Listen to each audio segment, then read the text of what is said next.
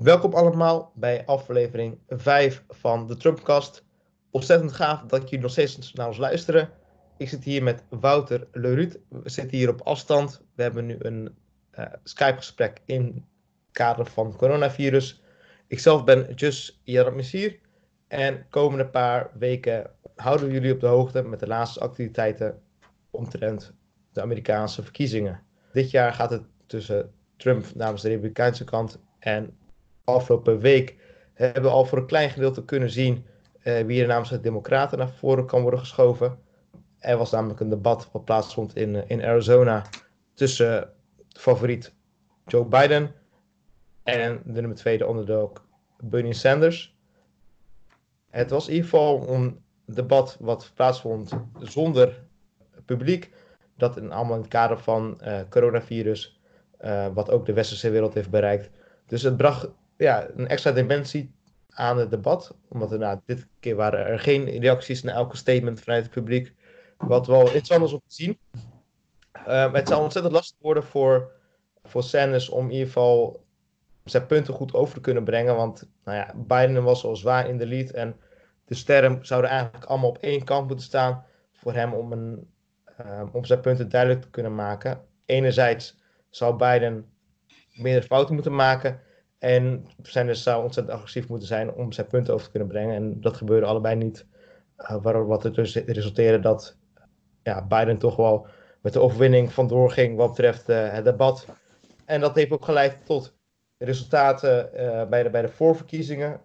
Wouter, zou je misschien wat kunnen, kunnen vertellen over de, de resultaten? Ja, goed, inderdaad, uh, wat je al aangeeft, uh, bij, tijdens, tijdens het debat heeft Biden geen grote fouten gemaakt. En sterker nog, zijn een aantal analytici die hebben geconcludeerd dat het een van zijn sterkste debatperformances was. Daarnaast wilde, zoals we in de vorige podcast ook al aangaven, wil Bernie ook niet te hard aanvallen op Biden. Wat, wat zijn supporters hem niet echt een dank afnemen. Omdat hij natuurlijk niet de kansen van Biden, mocht Biden de, de, de nominee worden, uh, tegen Trump wil verminderen. Als het te agressief zou zijn, dan zou dat uh, Trump weer kanon voer geven. De tussenstand is uh, inmiddels als volgt. Joe Biden is aan het uitlopen. Dus die staat inmiddels op 1193 gedelegeerden en Bernie Sanders op 888. Daar moet bij vermeld worden dat er 1991 uh, gedelegeerden nodig voor zijn voor een meerderheid. Dus Joe Biden is behoorlijk hard aan de weg aan timmeren om inderdaad de genomineerd te worden namens de Democratische Partij.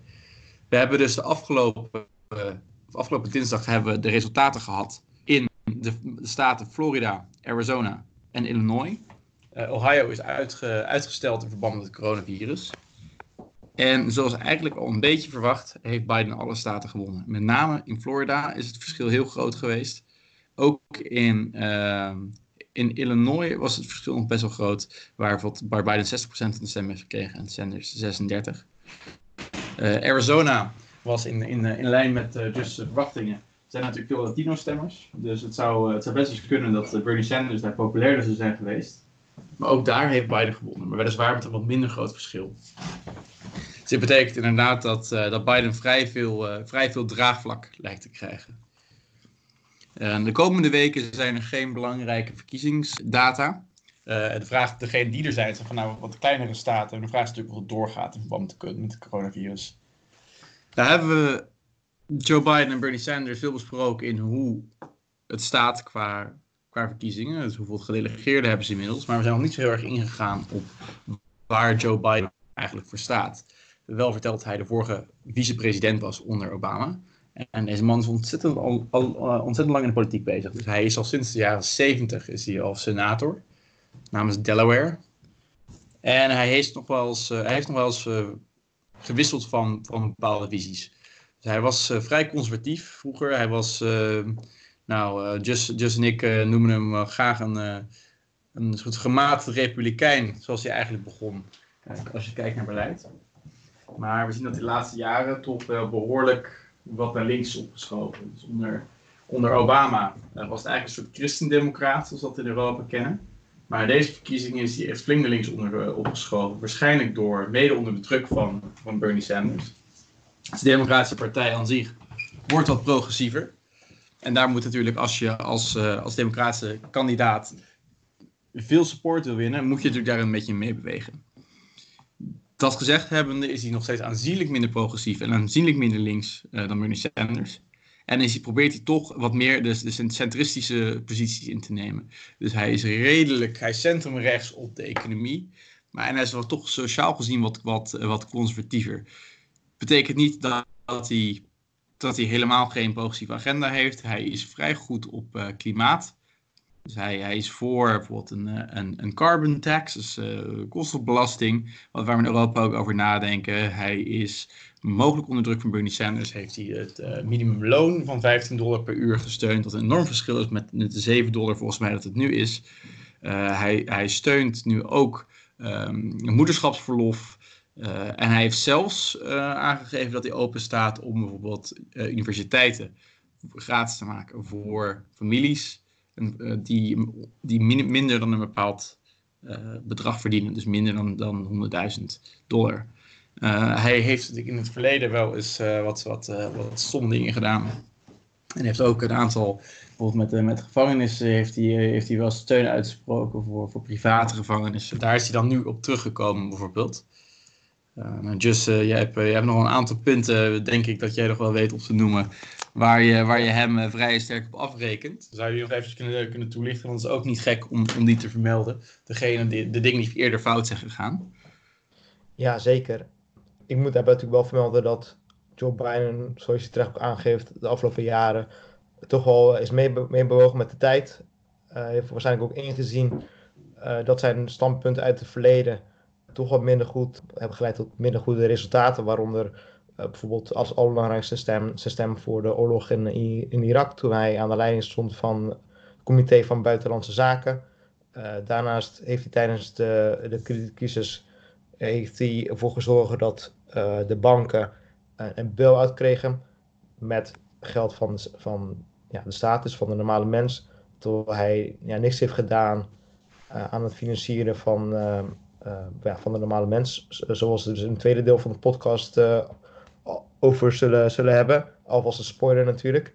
Um, daarnaast eh, heeft hij wel wat rare uitspraken gedaan omtrent het homohuwelijk. Wat hij ook voor lange tijd heeft ja, tegengewerkt en ook tegen heeft gestemd. Daar is hij natuurlijk van op teruggekomen. maar heeft wel geleid tot wel rare sociale dimensie in, in Amerika op dat moment. daarnaast heeft hij ook lange tijd steun betuigd voor de creditcardbedrijven. Uh, omtrent de persoonlijke faillissement. Dus als mensen hun uh, schulden niet meer kunnen betalen, dat ze nog steeds tot in de enigheid aansprakelijkheid of persoonlijk aansprakelijk zijn voor, voor de schulden. Uh, wat overigens Elizabeth Warren toe zette om in ieder geval de politiek in te gaan en zich tegen Joe Biden uit te spreken omtrent zijn standpunt. Want het toch wel ten koste gaan van, uh, van veelal uh, de, de, de, de, vrouwen.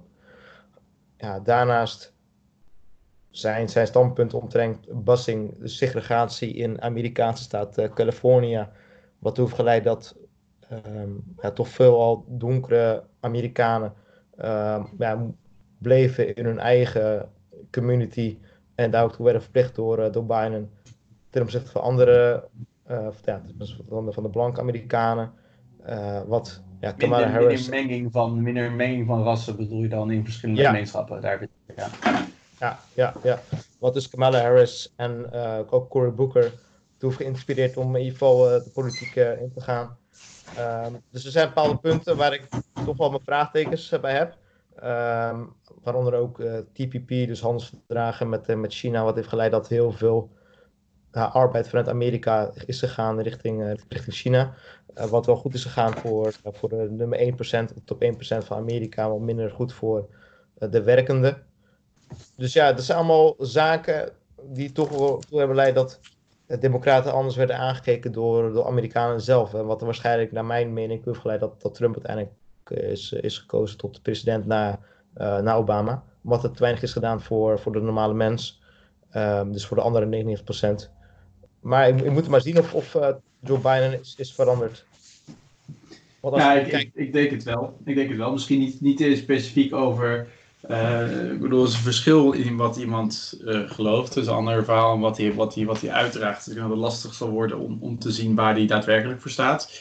Maar hij is in feite, als je kijkt naar de afgelopen jaren, is hij eigenlijk van een soort VVD'er gegaan naar een, uh, naar een wat conservatieve tegenhanger van D66. Als je een beetje hè, de, de verschuiving in, in, in zijn, zijn stem, of is wat hij, wat hij, zijn campagneprogramma. Ja. En als je het hebt over, uh, over dat, uh, dat, uh, dat TPP-verdrag bijvoorbeeld, dat, dan kan je natuurlijk de, de, de handelsverdragen is natuurlijk een gevoelig onderwerp in Amerika, omdat het natuurlijk de, de, de Amerikaanse arbeider wat, wat benadeelt. Maar dat is natuurlijk onderdeel van een groter strategisch plan om de Asia-pivot, om, om strategische partnerschappen in, in Azië op te bouwen. Trump heeft er snel van teruggetrokken en eigenlijk is China in dat gat gesprongen. Dus, dus de regionale invloed in Azië is daar, daardoor juist heel erg afgenomen. Dus het is natuurlijk een belangenafweging. Dus dan kan je, kan je zeggen, het heeft de Amerikaanse werker uh, benadeeld. Aan de andere kant heeft het ook, zou het ook de Amerikaanse invloed in de regio weer vergroten. Dus het is een beetje een, een trade-off in die zin tussen, tussen verschillende economische en, en, en politieke belangen. Ja. Maar er is nog iets anders groots gebeurd. Ik denk dat we even door moeten gaan, tenzij de, de, de luisteraars nog grote vragen hebben over Biden in vervolg. Over andere ontwikkelingen die de afgelopen tijd hebben plaatsgevonden. Uh, ja, ik, ik, nog één punt daarvoor is in ieder geval dat ik nog wel een punt wilde aanbrengen wat betreft het uh, politieke kabinet van, uh, van Joe Biden. Ah, wat in ieder geval bestaat uit uiterst capabele politici of ook professional zakenmensen bijvoorbeeld nou, Jamie Dimon, de huidige voorzitter en CEO van uh, JP Morgan als, uh, als minister van Financiën. Susan Rice als uh, National Security Advisor, die, die waarschijnlijk een rol zal opnemen als Secretary of State. Wat toch een belangrijke positie is binnen, binnen, binnen Amerika. John Kerry, ook een oud kandidaat vanuit de Democraten dat die tevens, zal in... tevens de minister van Buitenlandse Zaken onder Obama ook. Dus uh... Precies, precies. Uh, zal of enerzijds minister van, van, van uh, of in ieder Secretary of State zijn, of waarschijnlijk een positie tegen klimaatverandering waar um, hij toch al goede punten heeft ingebracht. Althans, Wouter had mij aangegeven dat hij heel veel goede punten daarin had, had ingebracht tegen klimaatverandering. Dat ook daar best wel gepassioneerd over is. Hij heeft, hij, heeft, hij heeft, een grote rol gespeeld tot, tot standkoming van de Parijs, uh, de, de Parijs Agreement in 2015.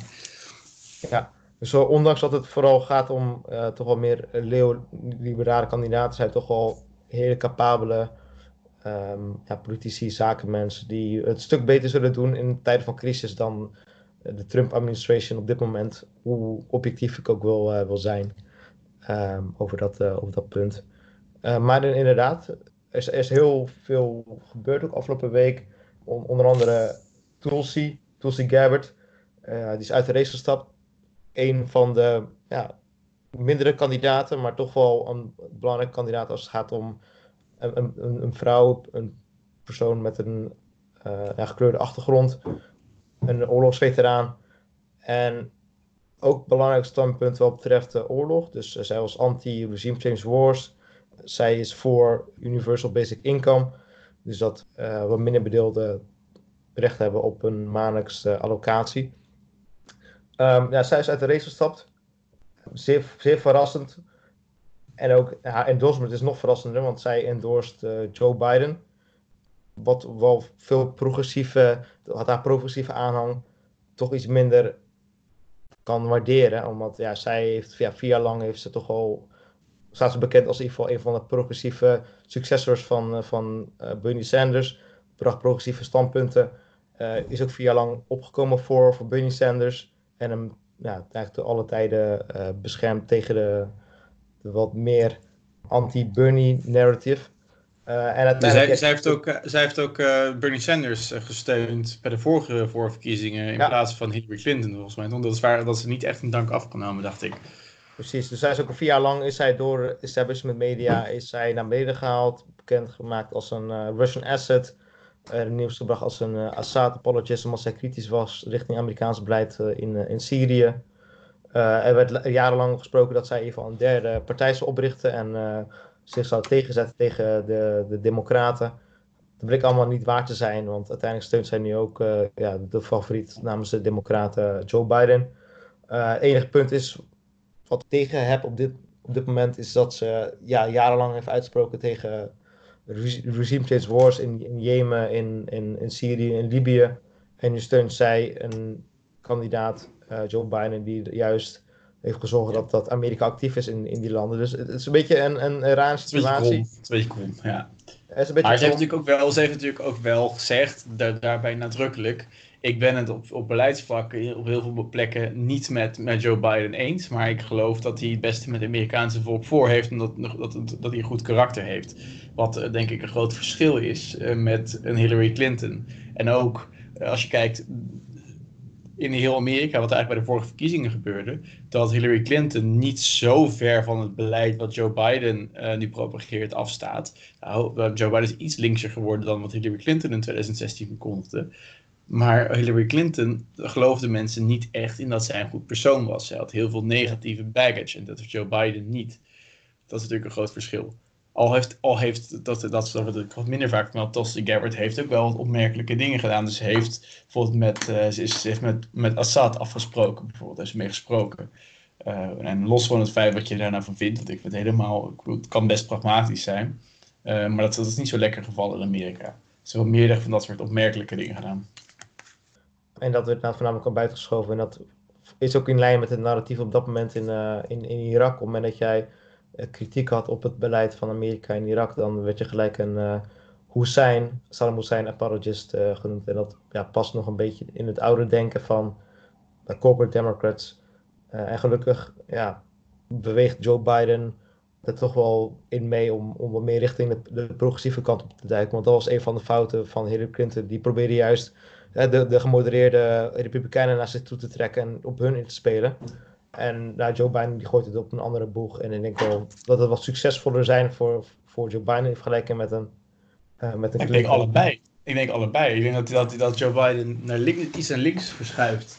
Uh, om, om toch een groot deel van de progressieve Bernie Sanders stemmers mee te zullen krijgen uiteindelijk. Dus op beleid dat hij, dat hij, dat hij veel, uh, veel linkse mensen meetrekt. Aan de andere kant, uh, dat, hij, dat hij toch veel gemaakte republikeinen, qua wie, wie hij als persoon is en waar hij voor staat, en inderdaad de civility terugbrengen, de, de, de normaliteit terugbrengen, dat hij daar toch veel republikeinen mee, wint. Volgens mij is het ook, is ook gepold bij, bij independents en gemaakte republikeinen, die, die zijn toch vrij uitsproken voor Joe Biden. Dus hij zou, met een beetje geluk, dat hij net die sweet spot heeft, dat hij, dat hij, dat hij behoorlijk verenigende kandidaat is. En dat zou toch wel een mooie uitgangspositie zijn om tegen Trump op te nemen. Ja, en dat gaan we natuurlijk in de volgende podcast gaan we daar ook over, over in door. Over Trump versus, versus Biden, hoe dat eruit zal zien. Hoe die race eruit zal zien en ook wat er nu gebeurt. Omtrent het coronavirus. Want er is nog een andere grote kandidaat over, waar we het begin over hadden. Bernie Sanders. En de druk neemt ook op hem toe om, uh, om uit de race te stappen. Met name omdat binnen de Democraten gaan ze voor, voor unity. Ze hebben met z'n allen van tevoren getekend dat ze de democratische kandidaat die uiteindelijk voor wordt geschoven zullen, zullen ondersteunen. Maar ja, Sanders die vecht al decennia lang voor Medicare for All. Dus dat iedere Amerikaan recht heeft op goede zorgverlening. Minimum wage van 15 dollar per uur. En dat Amerikanen zo min mogelijk zorgkosten hoeven te betalen voor de maximale kwaliteit van, van de zorg. En Sanders kan, kan dat nu gebruiken als een manier om een van zijn ideeën toch eindelijk na al die, al die jaren uh, om wat vast te stellen. Uh, door uit de race te stappen op voorwaarde dat Medicare for All uh, wordt geïmplementeerd. Toch wel een van de punten waar Joe Biden wel tegen, op tegen is. Die wilde dat jarenlang juist beperken. Maar ik denk dat, dat het wel een goede move is voor, voor Sanders om in plaats van presidentschap, waar ik denk dat hij toch wel minder effectief voor is, om toch wel zijn ideeën, een van zijn belangrijkste ideeën waar hij jarenlang voor vecht, om dat toch wel, wel bevestigd te zien krijgen. Hoe denk jij erover? Ja, dat, ik denk dat dat een hele goede is wat je zegt, want, want Joe Biden is er niet zo heel sterk op, op zorg. Hij heeft alleen maar gepleit voor een uitbreiding van Obamacare, waar dit, wat natuurlijk direct het gevolg was van zijn, uh, zijn gedeelde van het presidentschap van Obama, waar hij vicepresident was. Dat is zijn eigen legacy. Maar tegelijkertijd is hij niet zo te spreken over Medicare for All. Een beetje dat, dat, dat, dat medianarratief van hoe gaan we daar in vredesnaam voor betalen, dat hij dat, dat uh, blijft, blijft aan, vast blijft uh, hangen. Tegelijkertijd, als je kijkt naar Medicare for All, is er ontzettend veel steun voor in het hele land. Dus volgens mij is het er een, uh, ongeveer 60% van de Amerikanen die dat steunt. Nou, dat, dat is ongekend ja. veel eigenlijk, als je, als je bedenkt dat het toch een redelijk socialistische, socialistische actie is. Dus dit zou een van die dingen zijn waarbij hij zich eigenlijk heel populair kan maken bij veel Amerikanen Ondanks wat hij zelf misschien gelooft, ondanks het media-narratief. Dus ik denk dat het een hele goede zet zou zijn. Als hij, dan kan hij misschien op andere vlakken kan hij wat stelliger zijn. Zoals, uh, zoals hij noem maar wat over, over meer defensie-uitgaven, waar hij ook voor staat. Wat natuurlijk wat rechtser is, wat republikeinser is die mensen kan hij met dat soort uitspraken heel makkelijk aan zich, aan binden. Tegelijkertijd kan hij de arbeidersklasse met Medicare for All heel erg, uh, heel erg tevreden stellen. Dus is, ik denk dat hij, dat hij, als hij een beetje handig manoeuvreert in, in de juiste balans tussen conservatief, progressief en links en rechts, dat hij best wel, best wel veel mensen tevreden zou kunnen stellen. Maar goed, dan is wederom ook natuurlijk de vraag wie hij als, uh, als running mate, als, uh, als potentiële vicepresident neerzet. Ja, en misschien dat ook een van de redenen is dat Gabbard is uitgestapt. Want Biden heeft aangegeven dat hij graag een vrouw wil als, als running mate. Als vice ja, hij, belooft, hij belooft dat het een vrouw zal zijn. Dat is nog, nog, nog concreter natuurlijk. Hij belooft het. En ja, er zijn bepaalde namen die naar voren schuiven. Zoals Susanna Abrams, die sterk is in het zuiden. Amy Klobuchar, die sterk is in het noorden. Maar ja, zou wellicht ook een, een uh, Tulsi Gabbard kunnen, kunnen zijn in dit geval. Uh, ja, ik wil nog Kamala Harris toch wel de frontrunner te zijn daarin. Want hij is zwart, ze, heeft, ze is wat jonger, ze is uh, redelijk centrum, maar ze kan ook wel vrij, vrij veel support rekenen in, in minderheden, bijvoorbeeld, in uh, raciale minderheden. Dus zij, zij, zij, zoveel analisten wordt zij als de, de waarschijnlijke VP-kandidaat neergezet. Maar is natuurlijk, het echt dat gebeuren? Tulsi Gabbard zou het ook, ook een, een minderheden, minderheden kunnen zijn ik ben, het er iets minder mee eens, omdat uh, als je kijkt naar, naar Californië, waar zij senator uh, van is, en ook heel lang attorney general, dan had Joe Biden niet gewonnen, maar hij had juist Bernie Sanders gewonnen in, in Californië. Dus ik denk wel dat ze daar in de eigen staat, ja, dat ze toch wel liever een progressieve kandidaat hebben, dat het toch wel een doodsteek kan zijn richting een, een second, richting een tweede termijn als, als senator in Californië. Dus ik denk wel dat Biden zichzelf daarmee in de, in de vingers snijdt als hij vandoor gaat met, eh, met Kamala Harris als, uh, als VP. Ja, ik kan me ook iets bij voorstellen hoor. Ik denk dat het ook verstandig is om een, uh, om een unifying uh, kandidaat neer te zetten. En dat kan uh, wat meer een positieve kandidaat zijn om de democraten, de, de linkse kant van de, Republiek, van de democraten mee te krijgen. Maar het kan ook, wat ook wordt geopperd, wat niet zo realistisch is waarschijnlijk, dat, maar dat, dat Biden een, een republikein neerzet als, als vicepresident. Dus een wat gematigde republikein die zich afzet tegen Trump. Om om daarmee, daarmee echt de, de Unity-kandidaat te zijn. Maar dat, die kans is natuurlijk niet zo heel groot.